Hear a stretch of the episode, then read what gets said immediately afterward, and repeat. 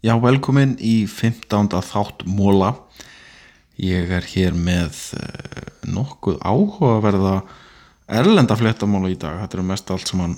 erlend hjá mig núna. Ég er yfirleitt með svona 1-2 sem eru Íslands tengdir en ég ákvað að, að, að hafa þetta svona mest alþjóðlegt eins og er nú upplegið í þessu hlávarpi hjá mér og eins og ég segi þetta er 15. þátturinn. Það er eitt umhverjir hljóð hérna í kringum sem ég ákvaða að viðhalda. Ég prófaði að hafa því í gangi síðast. Ég er með klukku á vegnum þegar ég kannski heyrið aðeins í henni.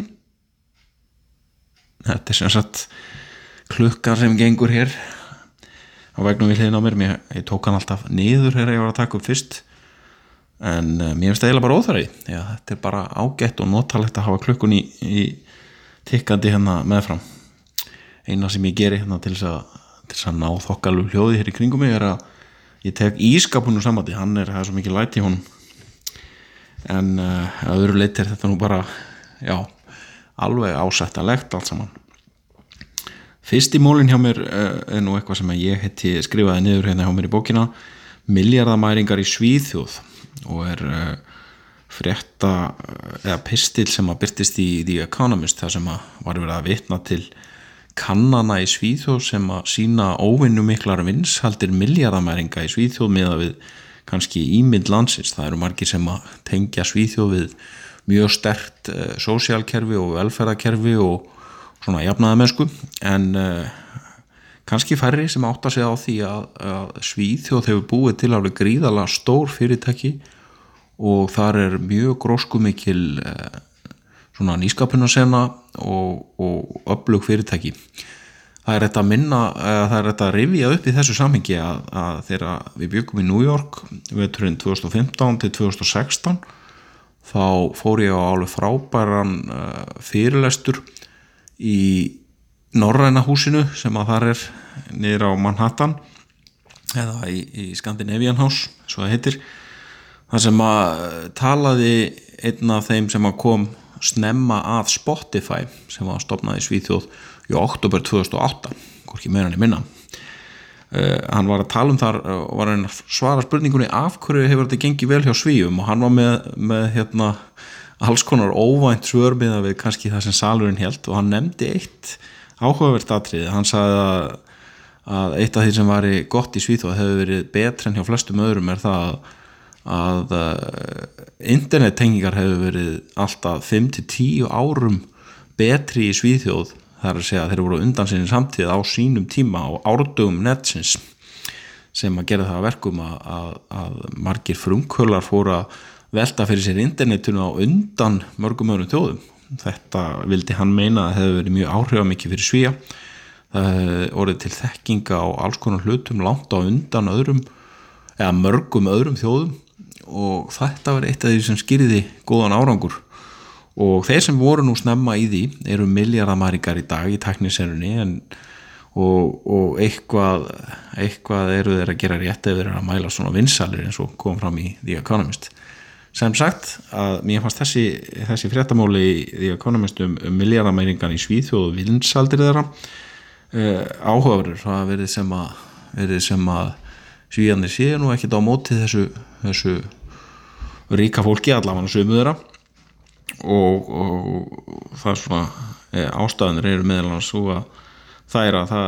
það verður sem að nýsköpun hafa á sér og, og fjárfæstingar í tekni og, og svona áhættu sem að fjárfæstingar hafa á sér ágætt orð í Svíð og þáttur allt. Móli nummer tvö er eitthvað sem ég skrifaði hérna niður hjá mér spilling í Mexiko það er nú kannski ekki mjög frumlögt svona með við ímynd Mexiko þegar kemur að spillingu og, og eitulhefa ringum og, og svo framvegis. En uh, það sem er áhugavert er það að spilling heldur áfram að vera vinsalasta topic eða vinsalasta atrið í, á stjórnmálasviðinu. Og um þetta var meðan spjalla í vikunni í New York Times og enn einu sinni þriðju eða fjóruðu kostingarnar í röð verði sem að spilling verði stærsta kostingamálið þar sem að uh, almenningur er að kalla eftir aðgerum gegn spillingu og, og svo verði sem að ef eitthvað er að glæparhinginir í landinu sem að hafa auðgast alveg gríðarlega á fíknefna einflutningi ekki síst til bandaríkjana yfir landamærin þeir virðast að ráða mjög miklu og það er ekki, sér ekkit fyrir endan á hörmungum stríðsins gegn fíknefnum, það er nú hægt að halda marga að vera með marga hlaðvarsþætti um, um stríðið gegn fíknefnum og, og fullkomið árangursleysi þess út um allan heim og þvert á móti hörmungar að mínumati en ég ætla nú að sleppa því í þetta skiptið. En mér fannst þess að áhugavert að svo verið sem spilling sem er núna til dæmis orðin mjög, orðin mjög stórt toppik á, á Íslandi í stjórnmálum þetta er, bendir allt til þess að þetta veri líkil hugtækið í kostningunum í Mexiko eða kostningum í Mexiko á næstunni og hefur verið uh, síðustu kostningar almenningur vil aðgerra ekki að spillingu og sá sem býður best, kemur bestur lofurðinn, hann vinnur. En uh, hvort að árangurinn verði uh, í takt við það sem að lofa er það er svo aftur annar mál. Og hefur blóði drifna stríð gegn kviknæfni í Mexiko en nú kannski ákveðin vísbending um að yfirleitt tekst nú ekki að uppfylla þessar stór lofurðum að taka á spillingunni. Þannig að við skulum sjá baratunni spillinguna getur stundum verið farið út í skurð fljótt ef, að, ef ekki er haldið vel á spilunum þriði í mólin hjá mér er eh, eitthvað sem ég skrifaði hérna niður hjá mér er Nígeria eh, fyrsta lagi eh, fannst mér umfjöldunum Nígeria sem ég las þar sem kom fram að að nýjastu, nýja rannsóknir í landinu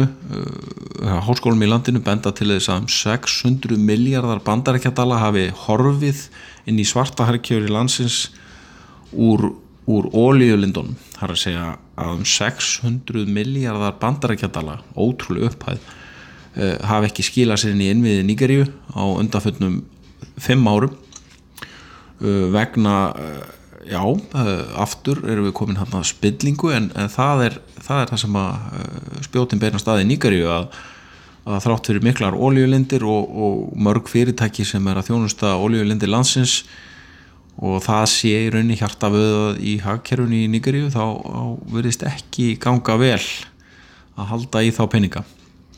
Og þetta bitnar auðvitað á innmjöðum samfélagsins. Nýgarja er, er stórveldi. Það er, gera sér ekki allir grein fyrir því að í Nýgaríu búa fleirin í allir Suður-Európ 190 miljónir manna fjölmennastar ríkja Afriku og er stórveldi með miklar öðlendir og mikla möguleika og hefur verið að þróast mjög vel á mörgum sveðum, þetta er eitt af því sem að hans heitinn Rosling fjallaði mikið um að, að fólk ætti að horfa mig ákvaðum augum til Nýgaríu því að þar væru hlutir að breytast til hins betra á mörgun svæðum þó margt væri óunnið. Og, og þessi rannsók bendi til þess að, að eitt af því sem að nýgari á eftir að ná betur utanum er í rauninni bara innviðir, sterkara regluverk öfluri stopnarnir og svo framvegist þetta er, þetta er svona gamal kumulsaga og ný í Nýgarju en, en er þetta er land sem hefur gríðalega möguleika og, og ekki á ástöðu lausu sem er horfa svolítið til bæðin eða, til Nýgari og annara Afrikuríkja þegar kemur að, að vexti í framtíðinni. Þetta eru, eru miklu möguleikar ef, ef tekst að, byggja upp sterka innvið fjórðimólin sem ég er með er vopnavæðing norðurslóða. En uh, það er nokkið langt síðan ég skrifaði reyndar fjartaskýringu um, um uh, vopnavæðingu á norðurslóðum þegar, og svona spennuna sem það hefur ríkt. En hún byrtist á svipum tíma og, og Mike Pence kom í omverð heimsótt til landsins Mara fórst í bandaríkjana ég var mjög ánægð með þessa skýringu ég laði nefnilega tölvast á mig við að ná í góðar upplýsingar og, og laði skýrslur og svo framvegs þannig að hérna, eins og ég segi ég var nokkuð ánægð með þá skýringu. En, en það sem er áhugavert er það að það er að berast áfram ekki síst í, í Barent Observer vönduðum fréttamili sem miðlar, miðlar fréttum vísna vel af því sem er að gerast eh, á norðurslóðum í norður Nóri eh, norðurlutar Rúslands á landamörun Nóregs og Rúslands og í hafinu í, á norðurslóðum og alltaf Grænlandi hinnum einn og Íslandinu þannig á milli eins og við vitum. Þetta komst nú svolítið í hámalið þegar varfústi bandarækjana kom í heimsótt til landsins. En það sem er forvöldnilegt er það að rússar er ekki að slá slöku við og eru búin að eru búin að vera með stanslösar æfingar og er að augra normönum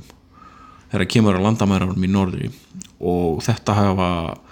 yfirmenn í norska hernum verið að benda á endur tekið og í, í Barent Observer er fjalla mikið um þetta óana í normana sá Íslendingu sem að veriðist hafa mestan áhuga á þessum málum er Björn Bjarnason fyrir hann til dósmálar þar þá nú kannski ekki að koma öllum óvart hann hefur alltaf haft mikið áhuga á varnamálum og, og, og her umsögum ímiskonar en, en þetta er hérna verulega áhugaverð þróun á norðurslóðum þar sem að rússar eru sérstaklega að gera sér gildandi og maður hefur svona það er smá óbræði í munni ég maður hugsa til þess að norðurslóður verði vettfangur viðbúrnaða kapplaups eitthvað langt inn í framtíðina. Það væri úrskatið að spennar myndi nú aðeins minga en, en hérna já það bara fréttir að því vikur semst að rússar eru að viðbúast enn meira og sérstaklega nálat norskun landamærum í Norri og eru þar komni með lofsketa flugsketa hérna palla og, og svona er að augra og eins og ég segi það er hérna það er spurning hvert, hvert þetta leiðir. Fymti og síðasti mólin í hlaðvarpuna þessu sinni er eitthvað sem ég skrifa hérna niður hjá mér solarpanelar en það eru hérna eh, sem sagt eh, solpanelar sem að setja á, á þög og nú síðast á bíla eh, til þess að fanga solarorku og, knýja knýja heimili fyrirtæki farartæki líka. Í vikunni bárust fréttir að því að það menn hafa áhugjur af tollastri í Kína og bandarækjana sem ég hef búin að hafa sem reglu og minnast, minnast á í hverjum þetta núna, þetta er sjöttið þátturinn í röð og vegna þess að það er bara svo stórt mál. eh, en í vikunni bárust fréttir að því að, að menn er að vonast til þess að takist að, að samþykja einhvers konar tilslakanir á, á, á viðskiptu með svona solarpanela en það hefur hrunið verðið á þessari afur sem hefur meðal leitt til erfileika á Íslandi vegna sólarkísis eða framlegslu sem þar er, hún hefur ekki komist á stað ekki síst vegna þess að markaður eru erfiðir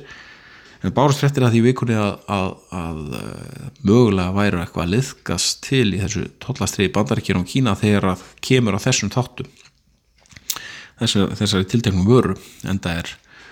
eru marga þjóðir að íta undir að þetta sé nota meira og, og Elon Musk eh, fórsbrakki og stofnandi Tesla kynnti til leiks eh, nýjan trukk sem að miðalans hafði er með þannig búna á þakki hann geti virkjað sólorku þannig að þetta er hérna það eitt gerði fór setti marga í stellingar þetta væri nú kannski miklu möguleikar í þessu og, og svo framvegis. Þannig að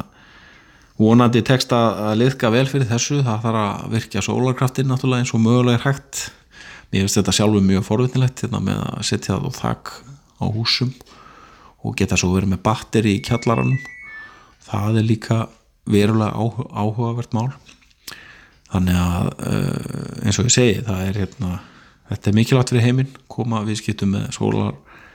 geta ná að knýja sólarorkuna. Ég ætla að stoppa hér. Ég verð með fimm gæða móla hér í, í næstu viku, takk. Takk fyrir að hlusta á hlaðavarp kjarnans Þú getur sótt fleiri þætti um allt millir heimins og jarðar á vefnum kjarnin.is